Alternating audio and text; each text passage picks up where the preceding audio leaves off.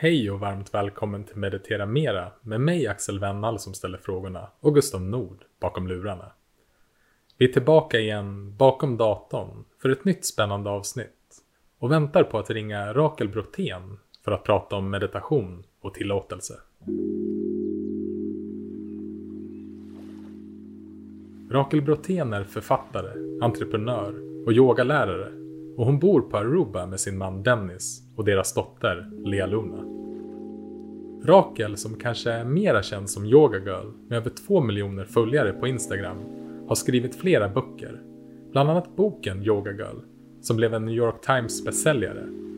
Idag driver hon plattformen yogagirl.com, där människor från hela världen samlas för att skapa balans, inre läkning och fördjupa sin yogapraktik. Rakel driver också Island Yoga, som är den största yogastudion i Karibien, där hon leder yogalärarutbildningar, retreats, workshops och klasser. Hon driver också två välgörenhetsorganisationer, Sgt. Peppers Friends, en stiftelse som arbetar med att rädda djur, och Yoga Girl Foundation, en organisation som stödjer kvinnor och barn i nöd. I det här avsnittet pratar vi med Rachel om meditation och tillåtelse. Hur kan vi föra in meditation i olika faser genom livet? Vilka tips har Rakel till blivande föräldrar? Hur kan vi lära oss att hantera beröm och kritik på ett skickligt sätt? Och vilka tips har Rakel till alla oss som vill meditera mera? Okej, men då sätter vi igång direkt. Hej Rachel, Ja, välkommen. Hej. Hej, Hej, och välkommen. tack. Hej och välkommen till podden. Hur mår du? Tack så mycket. Jag mår bra. Faktiskt, jag har varit sjuk jättelänge och nu mår jag bra. Den här känslan efter att ha varit sjuk, när allt är rosenrött och fantastiskt. Liksom. Jag mår jättebra just nu. Bästa sättet att känna tacksamhet Ah, när man har blivit frisk. gud, det är, man, man tar verkligen det för givet. Det är, nästan, det är nästan löjligt hur mycket vi tar vår hälsa för givet när, den är, när allt är bra. Liksom. Så det här är första gången vi träffas ordentligt. Eh, både jag och Gustav känner din vän Olivia och har träffat henne många gånger. Och, men jag tror eventuellt att vi faktiskt har setts en gång och jag förstår verkligen om inte du kommer ihåg det. Men har du bott i Uppsala någonting? Ja, jag, eller jag är född och upp, uppväxt där. Ja. Ja, du- ja, det är till och med så. För att ehm, jag pluggade i Uppsala och jobbade som bartender på Birger. Och jag har ett Nej! minne. jag har ett minne av, exakt, exakt, nu ser inte lyssnarna dig, men jag har ett minne av en superglad tjej som står på andra sidan baren. Och sen tror jag att någon gång längs vägen senare så kände jag igen dig då troligtvis när, när du började bli mer känd som yoga girl och bara men vänta jag känner igen den här personen från Uppsala tror jag men då, då vet jag varför. Ja men gud, 100 procent på Birger Jarl, alltså wow. Jag, jag, eller jag är född i Uppsala, uppvuxen där, men sen när jag var tio flyttade jag till Stockholm med, med min familj. Och sen, eh, hur gammal var jag då? Jag var ja, precis efter, efter högstadiet någon gång.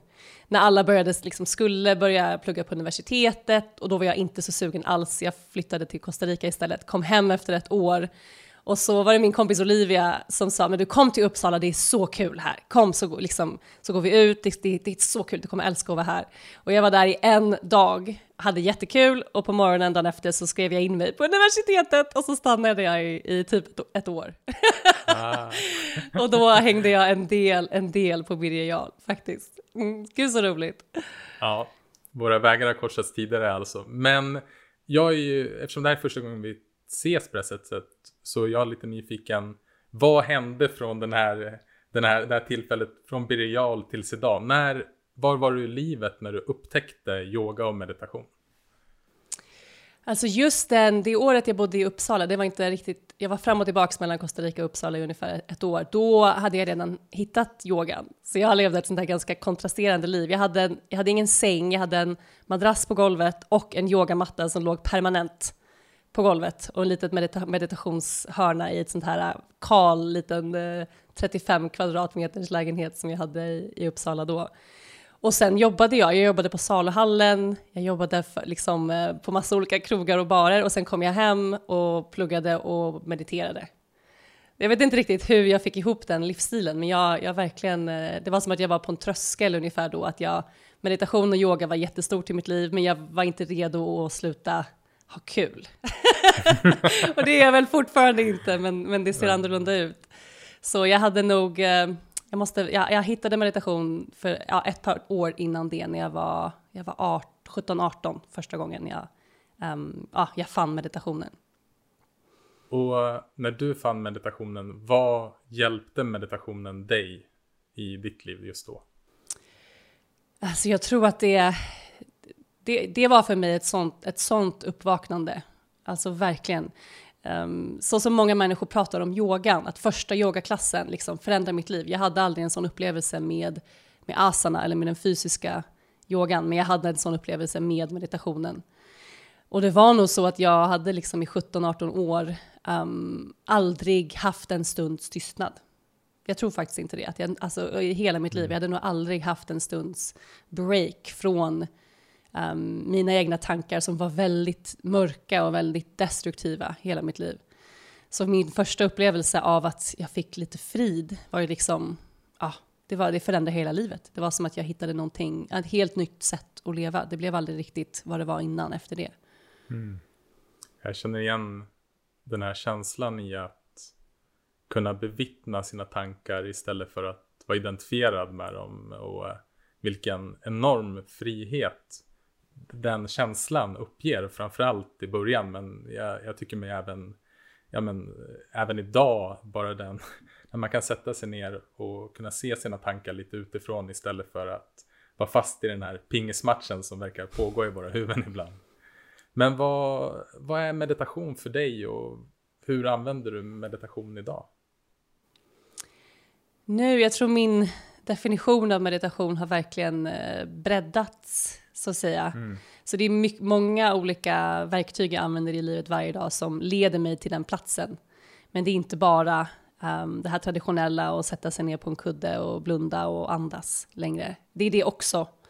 Um, men såklart, det är en del av, av min yogaträning och har alltid varit. Men just nu, um, en stor del av min meditation sker i te-ceremoni just nu. Mm. Det är min, uh, min senaste uppvakning, så, så att säga. Berätta mera. Jag sitter i kinesisk teceremoni varje dag och har gjort det nu i ett par månader.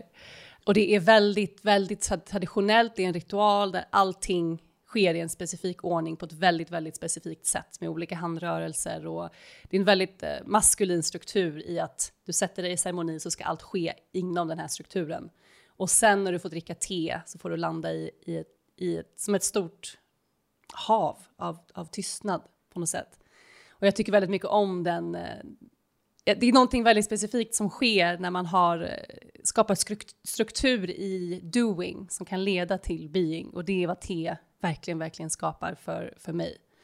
Så ibland, har, ibland är det svårt att bara sätta sig ner och okej, okay, nu vill jag komma till den här platsen av tystnad eller frid. Och det hjälper mig väldigt mycket att ha, ungefär som ett mantra, eller ha någonting man upprepar, ha någonting att förankra sinnet i. Uh, och för mig, en, en te-ritual eller en te-ceremoni är så fantastiskt fint sätt att ta sig dit. Mm. Ja, vad spännande. Jag, eh, jag har druckit te med närvaro, men aldrig inom den, den strukturen. När jag har suttit och funderat på vad jag vill eh, prata med dig om idag så eh, har jag varit inne en del på din hemsida och din blogg och eh, läst lite grann vad, vad du skriver om. Och en av de sakerna som jag har hört dig prata om eh, och läst om är att just det här hur viktigt det är att vi har en eh, kontinuitet i det sättet vi tar hand om oss själva. Alltså en kontinuitet i, i eh, ja, helt enkelt hur vi kan meditera, hur vi kan yoga, hur vi kan ha olika teceremonier. Och det, det som vi, vi människor vet ju och de flesta som lyssnar på den här podden har upplevt meditation för sig själva. Men trots det och trots att vi får den här känslan av frid och frihet så verkar det som att det är ganska svårt för oss människor att bibehålla den goda vanan. Vad har du märkt i ditt liv? Vad hjälper dig att bibehålla vanan och vad brukar du ge för råd till dem som har svårt att just få vanan att fastna? Mm, jätteviktig fråga. Uh, och faktiskt ett stort, stort tema i mitt liv just nu. Um, jag, jag, tror att jag hade ganska många år när jag hade en sån här idé av att så här ser det ut. Liksom min self-care practice, min, min yoga, min meditation, den ska vara exakt så här och det måste ske så här varje dag. Jag måste vara disciplinerad på exakt det här sättet. Um, jag hade många år när jag liksom, ja, upp väldigt tidigt, yoga först, det första jag gör och det ska vara så här länge och jag vill gärna få in exakt de här komponenterna och ville må på ett specifikt sätt efter. Så nästan som att jag behövde checka av en lista liksom, done. Mm. Um, och sen varje gång när någonting då kom upp i livet och det blev svårt att bibehålla, till exempel när jag, ja, när man reser kanske, eller när man blir sjuk, eller helt plötsligt inte mår bra, eller någonting händer i livet som, som gör att man tappar den rutinen, då började jag må jättedåligt. Nästan som att jag satte press på mig själv, att det måste ske så här varje dag, annars misslyckas jag i hur jag tar hand om mig själv på något sätt. Och för mig har varit en jätteviktig bit att, att lära mig att vara flexibel i hur det här ser ut varje dag. Och det är någonting som jag lärde mig och var tvungen att lära mig väldigt fort när jag blev, när jag blev mamma. Liksom, lyxen jag hade innan, innan, jag var, innan jag födde barn i att kunna göra, i princip, det kändes ju inte så, men i princip kunna göra vad jag vill, när jag vill, hur jag vill. Um, och sen att bli, att bli mamma och att allt allt det där försvann på något sätt. Jag har inte samma space, har inte samma tid, har inte samma sömn, energi, hela livet förändrades. Um, och att poängen är inte riktigt exakt hur det sker, men poängen är att jag, att jag har en stund varje dag där jag tar mig, där jag ger mig själv space och vara med mig själv. Inte att jag måste må på samma sätt varje dag eller känna djup frid på exakt samma sätt varje dag eller göra exakt allt på samma sätt varje dag, men att jag har en stund som um, har tillräckligt med space för att jag kan bara sitta med mig själv. Och ibland är det som nu, nu är det mer te, mindre yoga. Um, jag var sjuk i nästan två månader och hade lunginflammation, så det har verkligen varit uh, att sitta med te har varit min meditation varje dag. Men jag har inte yogat nästan någonting. Jag har inte kunnat uh, göra framåtfällningar för jag har varit så tung i huvudet liksom. Mm. Um, och vissa stunder är det fem minuter innan jag går och lägger mig. Liksom, det är min stund på dagen. Det var en galen dag, herregud. Um, men jag, jag, kom tillbaka till mig själv liksom, precis innan jag somnade, då har jag, har jag varit där. Så jag tror det är viktigt att vi, att vi är lite mer mjuka med varandra i hur, vad som måste ske varje dag. Liksom. För annars blir det nästan så att uh, den här spirituella, ska man säga, the inner critic som säger att du måste du göra exakt så här och vara så här spirituell varje dag. Det liksom lägger till en extra, ett extra lager av, att, eh, ja, av måste på något sätt. Och det är det vi vill komma ifrån. Så disciplin är viktigt, men det är också viktigt att vi, att vi ger oss själva lite grace och lite förståelse och ja, att vi är snälla mot varandra. Mm. Ja, men det är mycket som resonerar i mig när du berättar om, om hur det är för dig. Och uh, jag har märkt det själv i mitt liv just nu att det finns väldigt mycket borden kring den spirituella övningarna, kring meditationen och också den här hur lätt hänt det är att börja värdera in hur man mår med den typen av övning vi gör. Och, och jag, de som har lyssnat på den här podden och hör, hör mig i våran app vet, vet att jag brukar tjata om att det handlar inte om vad vi upplever utan hur vi förhåller oss till det vi upplever. Och ändå så tycks jag gå vilse nästan varje dag att börja ifrågasätta, men vänta nu här, det här känns inte riktigt helt 100%. Vad gör jag för fel? Istället för att inse mm. att, nej men, det är en del av livet. Det det, det, är, det är inte alltid bra och så frågan är hur kan jag förhålla mig till det här? Hur kan jag vara med mig själv? Hur kan jag, det kanske är så att eh, idag behöver jag göra någonting helt annat. Jag behöver kanske släppa taget helt och hållet om övningen och bara ta en lång promenad, bada eller vad som mm. helst. Mm. Vi är ganska dåliga på det överlag tycker jag som människor och acceptera att livet går i cykler. Mm. Det är verkligen så. När allt är bra, då, då, då vill vi att det ska vara så för alltid och vi måste hålla oss fast vid det. Och sen helt plötsligt så mår vi dåligt eller någonting som inte faller i den här ramen av bra sker. Och då är det som att, nej men gud, nu har jag, nu har jag misslyckats, nu har jag gjort något fel, hur fixar jag det här? Istället för att, liksom, om vi ser tillbaka på våra liv så har det varit så här sen vi föddes. Det är bra, sen är det dåligt. Sen är det bra mm. igen, sen blir det dåligt igen. Men mm. vi kan mm. ändå inte på något sätt acceptera att ah, det är så. Det är ju det svåraste med att vara människa och släppa taget. Verkligen. Och, och just det här att inse gång på gång att vi kontrollerar inte vad vi känner, men vi kan påverka hur vi förhåller oss till det vi känner. Mm. Att fråga sig själv vad man behöver och vad man behöver just nu och att precis som du var inne på i hur man kan hålla en praktik levande, att den behöver också vara dynamisk, att den behöver kanske förändras utifrån vart man är i livet. Mm. Och jag vet ju att du har tagit fram ett eh, som ett sju dagars retreat, stämmer det på, via er hemsida? Mm, precis, på yogagirl.com. Um, ehm, jag döpte det till Choose Yourself efter att ha haft ett år, eller ett liv, ska jag nog säga, där jag har haft väldigt svårt att um, separera alla andra människors behov från mina egna. Eller jag har varit väldigt mm. duktig på att um, ja, leta efter vad alla andra behöver och, och stötta andra och sen har jag på något sätt hamnat ja, på efterskälken lite grann, eller ganska mycket. Så jag döpte det retreatet till Choose Yourself med, med alla verktyg som fungerar för mig. Um, för att skapa space i människors liv, att, att välja sig själva gång på gång på gång. Och det tycker jag är så... Vi blir presenterade med så många möjligheter varje dag och faktiskt välja oss själva um, utan att behöva riktigt veta hur det ska se ut. Och det är precis som du säger, att kunna ha lite mer flexibilitet kring det vi gör varje dag. Att om jag tror att för att må bra måste jag, måste jag göra vinyasa flow eller ashtanga i 90 minuter varje dag. Och så helt plötsligt så förändras någonting så är det faktiskt inte sant längre, men vi håller oss fast vid att det är det här jag behöver. Då väljer vi ego istället för att välja hjärtat, vi väljer någonting annat. Men jag mm. tror att välja oss själva i varje stund är ju verkligen att känna efter och känna in i vad behöver jag nu? Och idag kanske jag behöver ligga på soffan och kolla på Netflix och äta glass, liksom, utan skuld.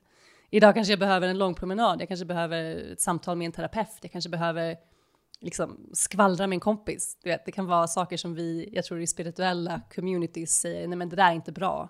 Liksom, så blir vi så inrutade i att det måste vara på ett speciellt sätt. Men att välja sig själv är ju verkligen att känna in i varje stund. Vad behöver jag nu? Och det är alltid annorlunda. Så det retreatet är byggt på det, eh, med alla de verktyg som verkligen har hjälpt mig att välja mig själv om och om igen. Vill du dela med dig lite grann av de verktygen som ligger dig närmast hjärtat? Absolut, så vi har såklart yoga varje dag, men eh, en typ av yoga som för mig i alla fall verkligen kommer från hjärtat.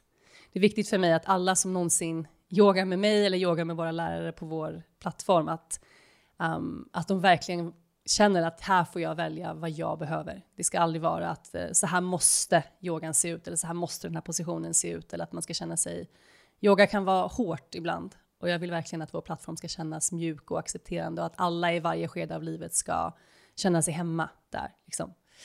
Mm. Um, så det är mycket yoga och sen en del olika meditationer, så vissa guidade meditationer som känns mer traditionella och sen har vi mycket shaking um, i det retreatet, för det är något som hjälper mig oerhört mycket. Um, vad säger man ens på svenska? Kallar man det för shaking eller säger du skakmeditation? Nej, men shaking är det ordet som jag har hört ja. i alla fall. Ja. Mm, mm, det låter bättre. Mm. Men eh, så mycket av det. Uh, och sen har vi en gång per uh, retreatvecka en uh, dynamic meditation också. En av Oshos um, ehm, meditationer där du får skrika av dig um, eller agera ut känslor som kanske har uh, fastnat. Um, komma ut lite ur den här boxen av ja, hur ska jag bete mig och om jag får bara uh, liksom komma lite närmare min inre treåring, vad, hur skulle jag uttrycka det just nu, bara för att ja, känna lite frihet. Så olika typer av meditation. Jag är ett stort fan av att pröva olika saker så att man kan verkligen... Det är bra att ha ett stort, eh, liksom ett stort, eh, en stor verktygslåda med olika saker som passar på olika skeden i livet. Så meditation kan ju vara så mycket. Det kan vara te, det kan vara dynamic, det kan vara shaking, det kan vara sitta ner i tystnad, det kan vara TM, det finns så, så, så mycket. Så mycket av det har vi i retreatet. Mm. Och som jag förstått det så har du tagit fram det här retreatet som ett, eh, ja, men som ett svar egentligen på att vi lever just nu i en pandemi så att man kan göra retreatet hemma. Vad, eh, vad har du lärt dig under det här senaste året då världen har vänts upp och ner? Ja, oh, gud. Ja, oh, gud, jag har lärt mig så, så, så mycket. Jag tror att eh, först och främst så känner jag mig väldigt lyckligt lottad. Du vet, jag tror vi är väldigt, väldigt lyckligt lottade och privilegierade om vi redan arbetade på något sätt i den här online-strukturen så att vi hade en liten enklare övergång till att eh, erbjuda saker online. Och det gjorde jag ju redan, så det var enklare för, för mig än vad det nog har varit för vanliga traditionella studios liksom, som inte har en online-komponent. Så överlag har jag nog känt senaste året att jag är väldigt, väldigt lyckligt lottad. Um, och också känt ett stort behov av att vilja dela med mig av det. Um, och, och, hjälpa folk som inte har samma verktyg. Men sen det här som jag tror så många har verkligen landat i att um, jag har nog levt hela mitt liv med en sån känsla av att för att komma framåt så måste jag ge maximal effort. Alltså som att jag mm. måste jobba hårdast, springa snabbast. Det är liksom all in or not at all. Så har jag, har jag levt på något sätt. Och pandemin verkligen, verkligen visade mig att det, det, går, att, det går att hitta framgång, det går att eh, leva i balans, det går att Uh, nej men det, det, det, går att ha ett, till exempel ett bolag som går jättebra utan att du måste liksom kämpa dig dit. Jag tror jag har haft mycket av en sån energi i mitt liv att jag måste kämpa mig framåt. Och sen i pandemin när nästan allt föll. Vi gick från nästan 40 personer i vårt team till 15. Uh, och det har liksom ändrat energin på något sätt i, i hur, jag, hur jag skapar. Att jag behöver inte skapa med maximal input. Det går att slappna av och fokusera på sig själv och påta i trädgården och baka bröd. Och att det ändå går framåt med lite mer, med lite mer flow. Man behöver inte maxa hela tiden för att vi ska ta oss dit vi vill. Och det har varit en stor ögonöppnare för mig. Det låter som en, en väldigt viktig insikt och väldigt fin insikt att få med sig från det här. För jag tänker också att um, en, en känsla jag har kring pandemin är att det är ingen av oss som vill leva i den och uh, jag tror jag talar för oss allihopa när jag säger att vi, det ska bli så himla, det ska bli så jävla skönt när det är över. Det ska bli så himla fint att få krama alla kompisar och alla andra. Det ska bli så himla härligt att få resa och det ska bli så uh, underbart att börja leva ett liv som vi levde innan med den friheten det gav. Men det, jag tycker också att att allting som livet ger oss, där finns det också någonting där vi kan lära oss. Att det finns eh, jag tror det var Jack Cornfield, den amerikanska buddhistiska meditationsläraren. Han sa att det här var som, han sa det så vackert, han sa att det här är som en, en, eh, a passage, vad heter det på svenska, en, någon form av liksom, det här är en, en period i livet som vi globalt allihopa gemensamt går igenom. Och vi kan också börja fråga oss själva, vad vill vi ha med oss när vi kommer ut genom den? Det resonerade så starkt i mig att, att inte bara vara emot den här situationen, även om den är stressa, eh, stressfull och eh, jobbig och smärtsam på sina olika sätt, utan också kunna se att ja, men den bjuder också in oss till att lära oss om oss själva och lära oss om varandra och lära oss om livet om vi vill, om vi vill se det från det perspektivet. Absolut, det är ju svårt att, och jag sitter ganska mycket med den eh, balansen mellan att på något sätt djupt innerst inne så tror jag verkligen på att livet tar oss dit vi ska, du vet, som alla de här flosklerna och klichéerna att man ska släppa taget och lita på livet och att ja, det finns lär, lärdomar i allt. Uh, men jag tror att det går bara att sitta där och verkligen känna det som sanning om vi har ett så pass privilegierat liv att vi är okej. Okay. Mm. Och det tror jag är enkelt för, speciellt för många av oss som har det bra och som är i yoga meditationscommunities. Vi har mycket space att fokusera på det och på den delen av oss själva. Då betyder det att vi, vi har jobb, vi kan betala räkningarna varje månad, vi är inte stressade över pengar eller kommer barnen vara okej okay, eller de här stora, stora, stora viktigaste sakerna i livet. Och jag tror för många människor i pandemin um, så har det inte varit så. Och det är, det är svårt för mig och, och, och, jag har haft svårt att kommunicera den mer spirituella biten av det här när jag själv spelar in min podd eller, eller på sociala medier och så. Och veta att för så många människor har det inte funnits någon lärdom alls, eller den kanske inte har kommit än. Liksom. Att det har varit sån kamp, förlora jobbet, det har varit så, eller förlorat någon man älskar. Det är svårt att säga att nej, men allt det här sker för, det, för någonting bra i slutändan när man är mitt på en sån plats där saker faktiskt inte är okej. Så jag vill gärna, eller jag vill alltid nämna det, att det är och kunna sitta med de här verktygen och, och, och fokusera på vad lär jag mig av pandemin? Istället för kommer jag överleva pandemin? Det är ett sånt privilegium som vi inte borde ta för givet. Nej, men och, och där i tänker jag också att men en av de kanske största lärdomarna eller de största insikterna som har kommit till mig och som jag också tycker mig märka hos personer som kanske vänner som inte mediterar så mycket eller liknande är just tacksamhet. Mm. En eh, sån enorm tacksamhet för att trots allt så, så liksom, eh, och i, i mitt fall så har jag ingen närstående som har gått bort.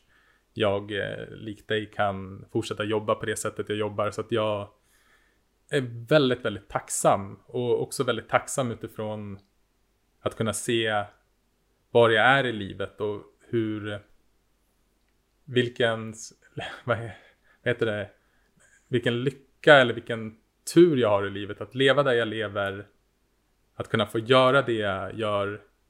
Eh, och jag mm. liksom fick någon insikt förra sommaren att vara så här, det var känslan av att jag är lyckligast lottad i hela livet. Det var, mm. och det var, det var en väldigt vacker känsla och, och gjorde mig samtidigt också väldigt, väldigt ödmjuk. Vad fint. Mm. Ja, nej men det var... Och sen, nästa dag så var den borta för då hade jag mina egna, mina egna problem. Såklart. Det är ju så det, är så det går. Men att få uppleva det var väldigt vackert. Mm, absolut, absolut. Ja, jag hoppas att alla, att vi alla har nått de stunderna och att vi tar med oss det också. Det är att när saker blir, ja, lite som vi mm. sa i mm. början av den här ja, podden, att när man, när man helt plötsligt blir sjuk, då börjar vi bli så tacksamma för att oh, alla stunderna när vi inte varit sjuka, när vi har mått bra uh, och har tagit sig igenom en hel pandemi um, och, och ha fina insikter och fortfarande ha ett jobb och känna att vi har växt spirituellt, emotionellt, um, är helt otroligt, helt fantastiskt. Mm. Du var inne lite grann på det tidigare i vårt samtal att, att nu när du har blivit mamma så har också din eh, eh, ja, men dina övningar förändrats och att du kanske inte har lika mycket tid. Och jag läste någonstans också att, eh, och du får rätta mig om jag har fel här, men jag läste någonstans om att det var viktigt för dig att, att arbeta med dig själv innan du blev mamma så att du inte skulle föra vidare trauman till din dotter. Eh, hur, hur är det nu när du är mamma? Mm. Jag kan tänka tillbaka på det, den här känslan, ja. och den, den har jag haft hela mitt liv. Sen jag, var, sen jag var liten faktiskt. Mina föräldrar har sagt att de minns att när jag var väldigt liten att jag sa att jag inte ville ha barn förrän jag är klar. Vad det nu betyder. Mm. Att jag haft en sån känsla sen jag var väldigt ung. Att, ah, alltså, som att jag har mycket att läka på något sätt. Um, och jag kan tänka tillbaka på det nu, att hur jag verkligen, verkligen, verkligen trodde. Jag var så övertygad av att när, när jag blir mamma, då är jag klar. Som att, då, är jag, då är jag upplyst, liksom. då, är jag, då är jag, jag är helt, helt healed och läkt från allt. Och såklart så var det inte så. Men jag hade, ett, jag hade nog ett väldigt, väldigt stort um, mammasår från när jag var liten. Jag hade nog ett väldigt stort, uh, vad heter det på svenska, abandonment wound, en sån här känsla av att, uh, av att vara övergedd. Jag hade stora saker som spelades ut i mitt liv väldigt aktivt uh, åren innan jag blev gravid och hade en, ett stort, stort, stort år av, uh, av läkning som jag verkligen kände ledde till att jag blev gravid. Det var nästan som att jag var tvungen att stänga ett kapitel för att kunna gå över till nästa steg. Och nu istället för den här känslan av att nu är jag en fantastisk mamma för att jag är klar, um, känner jag nog mer att jag, jag kan vara en fantastisk mamma för att jag fortsätter jobba med det som kommer upp för att jag, jag får anledningar hela tiden att fortsätta jobba med mig själv och fortsätta växa. Också mycket tack vare henne och genom, genom moderskap och det som är svårt och vackert och fantastiskt och jättejobbigt med att vara mamma. Det är en del av den spirituella utvecklingen på något sätt. Så den här känslan av att ah, när jag blir mamma då är jag klar, då är jag upplyst. Det blev inte riktigt så, men att vara mamma har blivit en del av min väg dit istället. Mm. Nej men det slog an en ton hos mig när jag läste det för jag ska bli pappa för första gången nu i augusti. Grattis, åh vad kul! Tack! Och, jag kände igen det som du beskriver här att ja men när det, jag, jag, liksom, när jag började meditera så hade jag en bild av vad som var viktigt för mig. Att kunna vara närvarande, att inte fastna i mina ältande och negativa tankar. Och så, lite som vi varit inne på tidigare, så tycks det som att resan ändras hela tiden. Det är liksom olika saker dyker upp som är viktiga. Och nu inför att jag ska bli pappa så har jag verkligen sett det att ja, men, vikten av att, och jag säger försöka för jag förstår att, jag, att det är liksom, jag kommer misslyckas, men att försöka inte föra med omedvetna saker som har funnits i, i min familj, både på min pappas och mammas sida, i generationer. Mm. Och jag tycker det är så intressant när man börjar kolla tillbaka på eh, släktbilder, att om man går tillbaka, vad blir det, typ tre, fyra generationer, då är man på 1800-talet. Och då kan man också börja tänka, vad, liksom, hur såg liv, livet ut där då? På tal, på tal om det vi pratade om, att vara tacksam och eh, att livet var en mer kamp och ju mer och mer medveten vi kan bli, desto mera hoppas jag i alla fall kunna skapa en, en trygg, kärleksfull eh, familj. Precis som mina föräldrar har gjort för mig. Men att kunna se också att ja, men det finns delar, delar som, ja, men som jag har fått med mig omedvetet och som jag hoppas bli mer medveten om. Så att jag kanske inte för över det till mitt barn framöver. Mm. Jag tror det, det, är, det är lika viktigt, tror jag, och att vi jobbar med det som vi vet är aktivt, eller att vi jobbar med det som vi vet triggar oss och det som, som vi kanske inte vill föra vidare. Lika viktigt är det ju också att hålla att om det inte var för allt det så skulle inte du vara den du är idag. Och det är på något sätt det som gör mm. att du kommer bli den mest perfekta pappan till ditt barn, är att du hade exakt den barndomen som du hade till exempel. Så det är den här fantastiska kontrasten mellan att gud, det där var så hemskt, jag vill inte föra vidare det här, jag måste läka det och gud, tack gud att det hände exakt så. Så att jag kan vara den föräldern jag är idag. Så att vi måste på något sätt, inte bara acceptera, men att mm, älska det som har hänt lika mycket som vi avskyr det på något sätt. Att det är det som, som gör att vi kan sitta här idag och, och tänka de här tankarna och, och göra den här resan. Utan det hade vi nog repeterat mer och inte ens suttit här med den närvaron att jag vill inte göra samma sak. Mm. Så jag tror jag hade ganska många år där jag kände gud, jag vill bara jag vill bara klippa ut min barndom, jag vill klippa bort den, jag vill inte ta med den. Liksom, jag önskar bara att den inte ens hade hänt på något sätt. Uh, som att jag nästan uh, uh, rejectade allt som hade skett på något sätt, att allt var dåligt. Och nu har jag landat på en plats som är mer att uh, det som var dåligt var också perfekt. Liksom. Det är ju verkligen, verkligen, verkligen så. Och jag kan se det i hur, hur jag kan vara mamma till min dotter, att, att det skulle vara exakt så här. Jag hade inte kunnat sitta här med de verktygen om inte det jobbiga hände när jag var liten. Så på något sätt, på något sätt är det ju divine will, det är perfekt, fast det är ändå jobbigt liksom. Mm. Så, men det är den största resan, gud, att bli förälder. Det är, mm, allt vi tror vi vet blir, blir testat direkt liksom, på det mest fantastiska sätt. På vilket sätt är eh, din dotter en lärare för dig just nu? Gud, på alla sätt. Alltså wow, wow. Hon är väldigt, väldigt känslosam. Uh, hon, hon gjorde något så extremt roligt igår. Hon, uh, hon gråter ganska ofta och vi har mm. väldigt mycket att, uh, i familjen att vi pratar jättemycket om känslor. Alla känslor har lika värde. Att när man är ledsen får man vara ledsen. Jag, jag, jag ofta att, när hon blir ledsen att, brukar jag ofta fråga vad behöver du just nu? Eh, och ibland vill hon vara ensam, ibland vill hon ha ett gosedjur, ibland vill hon ha en kram, ibland vill hon äta något. Det är liksom att, att försöka lära henne att känna efter att vad behöver jag när jag är ledsen? Istället för att hur kan jag få den ledsna känslan att försvinna. Och igår var hon, blev hon jätteledsen, jag minns inte ens över vad, och började gråta. Och så kom jag och kramade henne så hämtade jag en servett. För jag tänkte att eller, jag ska torka hennes tårar. Och då sa hon nej, nej, nej, torka inte mina tårar, jag vill känna min ledsamhet på kinderna. Och så började, så började hon röra oh. sitt ansikte och ville känna efter liksom hur tårarna kändes. Och hon lär mig så mycket kring att eh, hur fantastiskt fint det är att sitta med känslor som egentligen, som jag har känt hela mitt liv, är fel. eller dåliga eller jobbiga, som att vara ledsen och verkligen sitta med den känslan av att men gud, jag känner sorg nu. Och hon gör det helt automatiskt. Liksom. Nej, jag vill bara sitta här och marinera i den här sorgen jag känner. Och sen efter tre minuter är hon klar. Wow. Och så går hon vidare till nästa och så kommer lycka igen. Liksom. Så att bara få ta del av det varje dag är helt otroligt. Wow. Ja, jag mm. blir inspirerad jag själv. För det är, det är verkligen en skillnad mellan att förstå att våra känslor är flyktiga och att de tenderar att gå över på ett par minuter om vi verkligen fullt ut tillåter att känna dem så som din dotter mm. gjorde när hon grät. Och, men det är en stor skillnad mellan att förstå det och att uppleva det och att vara med känslan och att tillåta känslan fullt ut. Att, eh, jag tyckte det var så vackert när du sa att, att ni i familjen är väldigt måna om att inte värdera känslor som rätt eller fel eller bättre eller sämre. Det är en sån himla viktig påminnelse.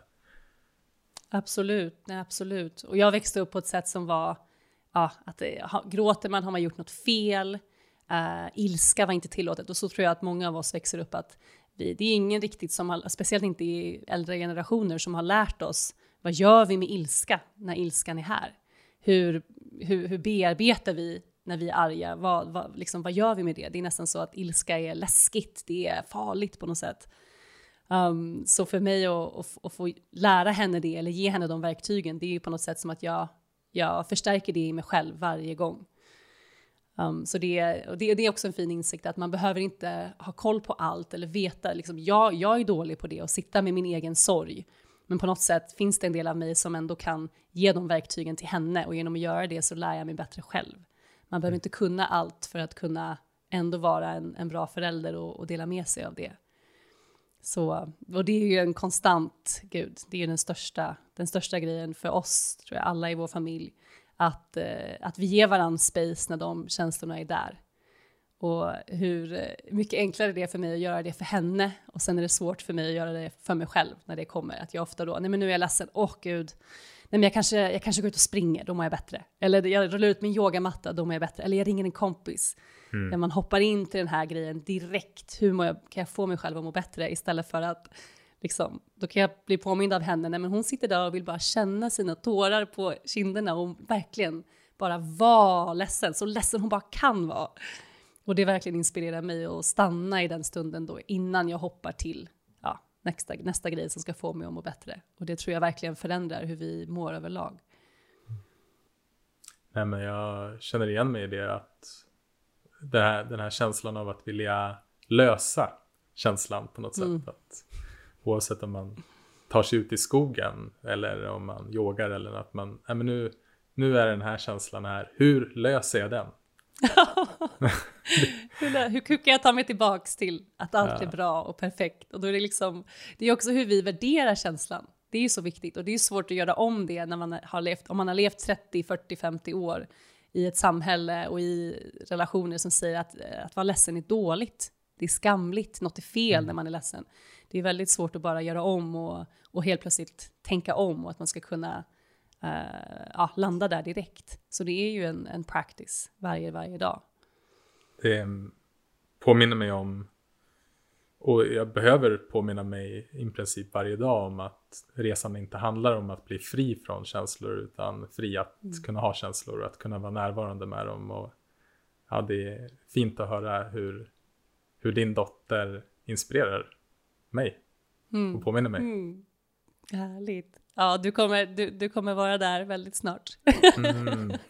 det, låter, det låter mm. fantastiskt. Mm, det är det.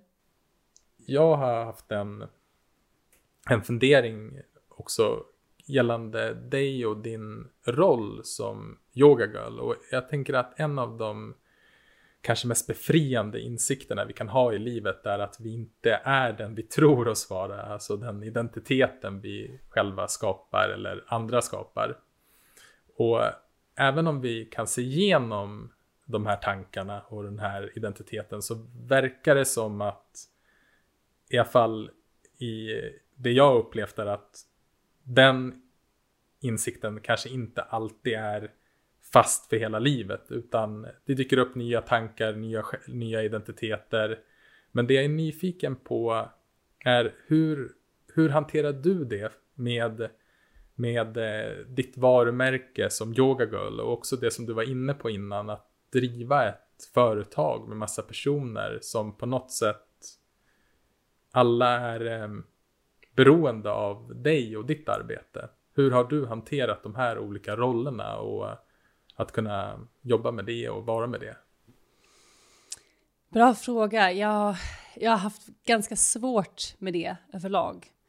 Uh, och det var en viktig insikt som kom faktiskt innan pandemin, men som jag fick bearbeta genom massa jobbiga situationer under pandemin, speciellt i början av den.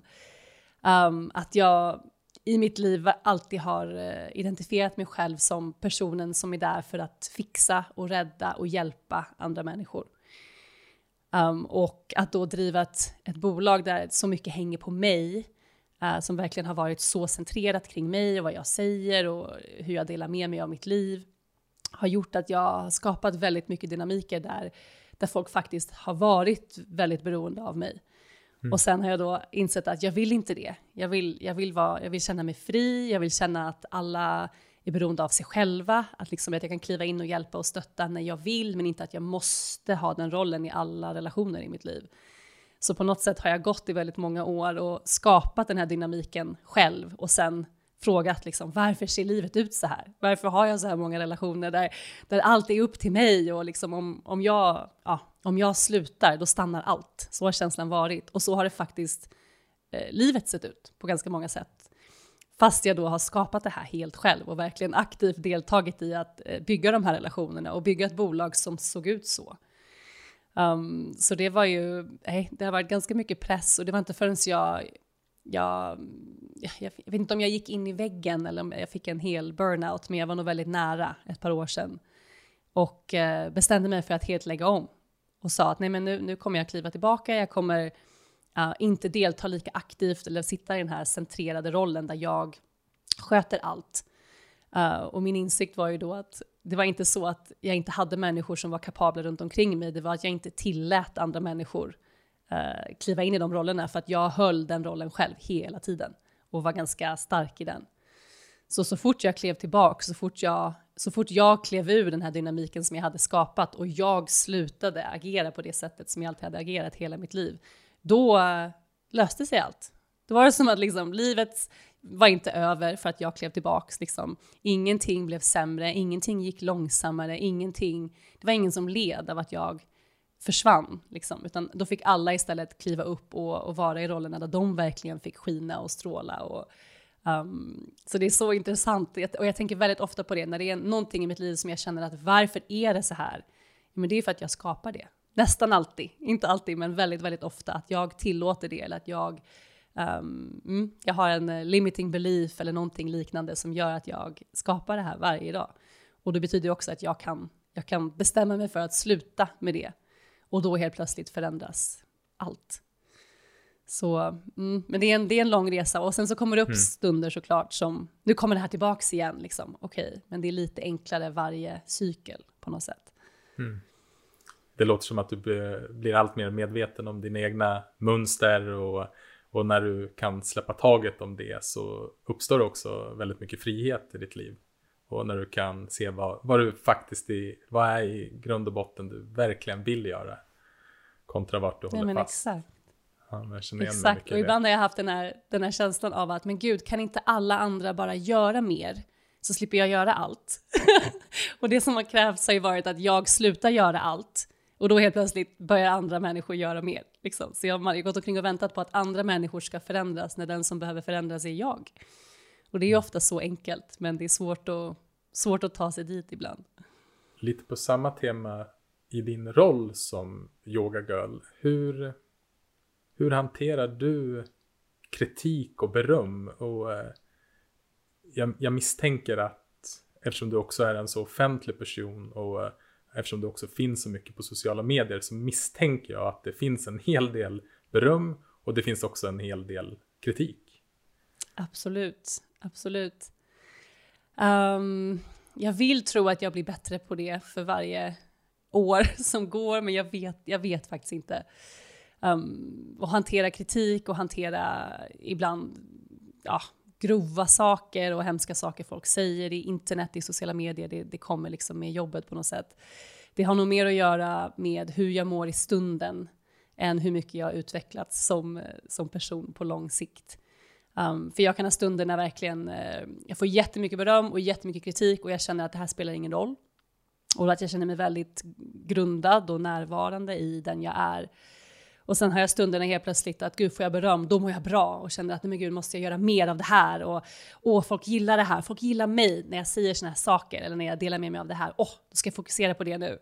Och det är ju lika osant som att när folk säger att jag är en dålig person, att jag faktiskt är dålig. Mm. Men det är, det är väldigt svårt att, att, navigera, speciellt när man delar med sig av väldigt eh, personliga saker eller väldigt sårbara saker, att det är på något sätt så, så personligt. Och vissa människor säger, men det är bara sociala medier, det är inte, det är inte personligt, det är mitt, mitt liv jag delar med mig av. Så att få konstant feedback på det, det är, mm, det är en resa jag, jag inte riktigt eh, löst, eller jag inte riktigt hittat svaret på än. Nej, jag, jag förstår det. Jag, jag kan nog inte förstå vad, vad du upplever i, i det fallet, men vi alla får ju beröm och kritik på olika sätt i, i våra liv. Och det jag tyckte var så uh, intressant i det du sa var att det finns perioder i våra liv då uh, både beröm och kritik på något sätt, det påverkar oss inte. När vi är grundade, när vi är närvarande, närvarande, när vi är oss själva så är det som att då, då kan vi stå stadigt. Då vet vi vad vi själva vill och vi vet vad som är viktigt för oss själva och beröm kan vi ta in och det kan vi suga på som en karamell och kritik kan vi notera, okej okay, men fanns det någonting? Vi kan se det och okej okay, men var det någonting här som var sant, någonting jag vill ta åt mig och annars kan vi släppa taget om det. Men precis som du beskrev så upplever jag också att i, i stunderna när man inte är så där grundad, det är då det kan bli så himla, det är då man följer med kritiken eller berömmet åt något av hållen i spektrat. Så att det som bara kom upp för mig när du berättade var att, att ja, men, checka in mer med mig själv när jag får beröm eller kritik och bara notera vart är jag i mitt liv.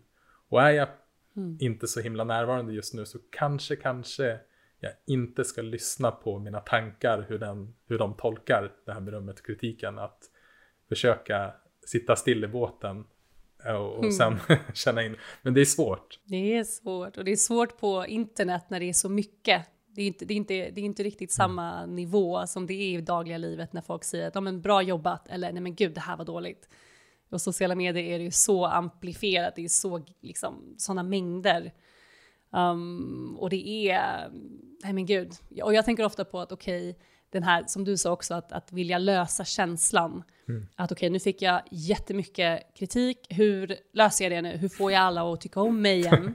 Att man då vill hoppa in i och göra någonting mm. jättebra, prestera, visa att man är duktig, så man får det här berömmet och sen så mår man bra igen. Då försöker jag låta mig själv att sitta lite i det spacet av att nej men gud, nu känner jag mig otillräcklig. Nu känner jag att nu har jag gjort något fel, det räcker inte, jag räcker inte till kan jag vara i det innan jag går in i den här lösningen? Och ibland går jag in i lösningen ändå, men jag har i alla fall gett mig lite space att få vara i den känslan av att, av att vara otillräcklig. Och det är också viktigt, eller i alla fall för mig, att påminna mig själv om att det är inte de här människorna på internet som ger mig nya känslor. Klart jag påverkas av det jag hör och läser och lyssnar på, men om jag känner mig otillräcklig för att en människa har gett mig en negativ kommentar på internet, är det för att den personen triggar en otillräcklighet som redan lever i mig. Mm. Så istället för att, ah oh, gud, alla människor på internet, de är så dumma och elaka och de får mig att må så här. Um, hur kan jag sitta med den otillräckligheten och kanske känna att men den behövde komma upp nu. Det är någonting jag, jag kan sitta med och lära mig av och acceptera i att jag är inte bara bra och duktig och fin och kan allt, utan jag är också otillräcklig och känner mig osäker och rädd och allt det är lika levande i mig som allt det här som vi säger är positivt. Och såklart, det är ju en sak och, som jag tycker finns mycket av online nu är liksom mobbning, att det verkligen är att folk eh, det kommer sådana drivor av negativitet till folk att ja, det är en annan nivå. Men just de här dagliga berömmen och kritiken, att det triggar någonting som redan lever inom oss och kanske kan det hjälpa oss att jobba med det. Ja, det är en viktig insikt för att kunna bli känslomässig, få en känslomässig frihet. Att att se, precis som du säger, att det är någonting som triggas i en själv. Och vi har precis släppt ett avsnitt om non-violent communication och det handlar ju just mycket om mm. att, att kunna vända in sig till sig själv och, och se att det är inte den andra personen som är ansvarig för det jag själv känner. Mm. Och eh, det, är en, det, är en, eh, det är en viktig lärdom och jag tänker att en del av, en stor del av det vi har pratat om idag och om meditation och det är att också börja ta ansvar för det. För då blir vi också, då, det är först då vi kan vara fria. Absolut. Men absolut. att det Och jag tror att men, om, inte, men ja. att det inte... Ja, kör. Förlåt. Nej, men jag tänkte säga att, att um, ibland det är enklare att hantera det, tror jag, eller att lära sig av det i face to face, i verkligheten med folk. Den berömmen, för vi får tillräckligt med kritik in real life. Jag tror inte vi behöver mer kritik på sociala medier. Um, men ibland är det bra att bara ta avstånd från det som sker online om man inte mår bra av det och bara ta itu med vad triggas inom mig av den kritiken jag faktiskt får av människor i mitt riktiga liv. Jag tror det är för mycket för folk faktiskt. Ehm, um, och sitta med allt det här som sker, som sker online. Wayne, Wayne Dyer, han har ett sånt fint uh, ett fint saying som han säger att if you squeeze an orange, orange juice comes out. So if you squeeze a human being and anger comes out, it's because anger was always there. Det är inte att någon, den här andra människan har gett dig ilska, utan ilskan var där. Så eh, det är viktigt att komma ihåg när man navigerar, ja, speciellt kritik. Mm. Du, eh, innan eh, vi ska släppa iväg dig för en ny dag i ditt liv så har vi en del i podden som vi kallar Fem snabba. Mm, kul. Är du redo? Alltid. Vad får dig att känna dig levande och närvarande? Dans. Dans och få dansa. Inte dans liksom ute på krog bland folk, men dans hemma med mig själv. Mm. Vilken bok om meditation skulle du rekommendera andra att läsa? Wow. Um, någon av Oshos böcker. Um, och han har så många. Uh, han har en fin som heter uh, medita 365 meditations, när det är små, med små meditationer en per dag om året. Uh, som jag tycker är väldigt fin att bara öppna uh, ja, för små, små insikter och små meditationer varje dag. Vad är du tacksam för just nu? Hela livet. Min hälsa framför allt, men hela livet faktiskt, just idag. När var eh, när grät du senast? Igår. Igår, jag har inte gråtit än idag, men jag kommer nog gråta idag. Jag gråter varje dag. Mm. Om, om, om, om, om allt går bra så gråter jag varje dag. ja. Okej, okay, den sista frågan, det jag kommer göra den som två frågor. Den första frågan är, vilket är det bästa rådet du har fått? Och sen den andra frågan som är lite liknande är, vilket råd skulle du ge dig själv om du kunde resa tillbaka till tiden när du upptäckte meditation i Costa Rica? Okej, okay, så det bästa rådet jag har fått ah, att, att säga nej är en, en, en spirituell, ett spirituellt beslut. Att man måste inte acceptera allt och säga ja till allt och hålla space för allt och alla hela tiden, men att faktiskt det är en väldigt spiritual practice att säga nej. Och att man inte behöver säga nej tack, eller nej för att, utan att det räcker med att säga nej. Sätta gränser, så, så, så viktigt. Nej, punkt. Nej, punkt, exakt. Och vad var, vad var den andra frågan? Om jag fick ge råd? Om du, fick ge, om du kunde resa tillbaka i tiden och ge ett råd till dig själv precis när du hade upptäckt meditation. Vad skulle du säga till dig själv då? Hmm. Bra fråga. Jag tror jag skulle, skulle ge mig själv rådet att, att, att ge mig själv mer frihet med meditationen. Nu, nu, nu tycker jag att allt, allt blev bra ändå, meditationen då ledde mig till min meditation nu, så jag skulle nog inte vilja ändra på, på så mycket. Men just det här med, eh, med, med att ge mig själv flexibilitet och frihet. Att missar jag en dag är inte det att något är dåligt eller att jag har gjort fel. Liksom. Eller om jag mediterar i fem minuter istället för 20 idag så är det också okej. Okay. Um, så att lite mer frihet kring, mm, kring meditationen just då hade nog varit bra. Fint, tack. Och tusen tack för att du tog dig den här tiden. Det var jättetrevligt att träffas så här och jag hoppas verkligen vi får chansen att, eh, att ses IRL sen också när pandemin är över. Ja, absolut. Tack så mycket för att jag fick komma hit. Så trevligt att prata. Vi kanske kommer hela sommaren, så vi kanske, kanske ses någon gång då. Perfekt, det ser vi fram emot. Okej, okay. tack. Tack.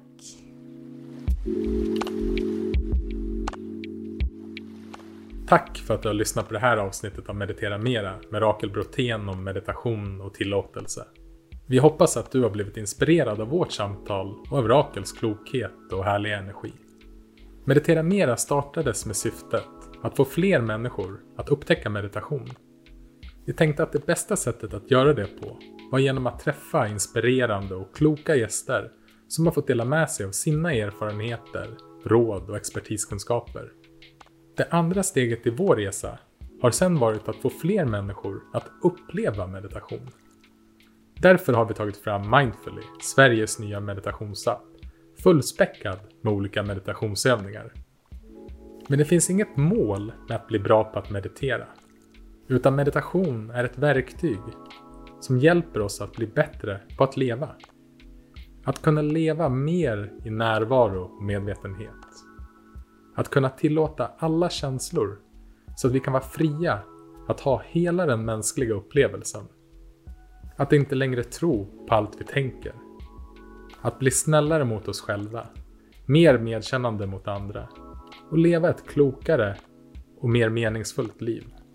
Därför kommer vi att vidga podden till att träffa människor som kanske inte mediterar, men som på andra sätt inspirerar oss att leva ett mer närvarande och medvetet liv.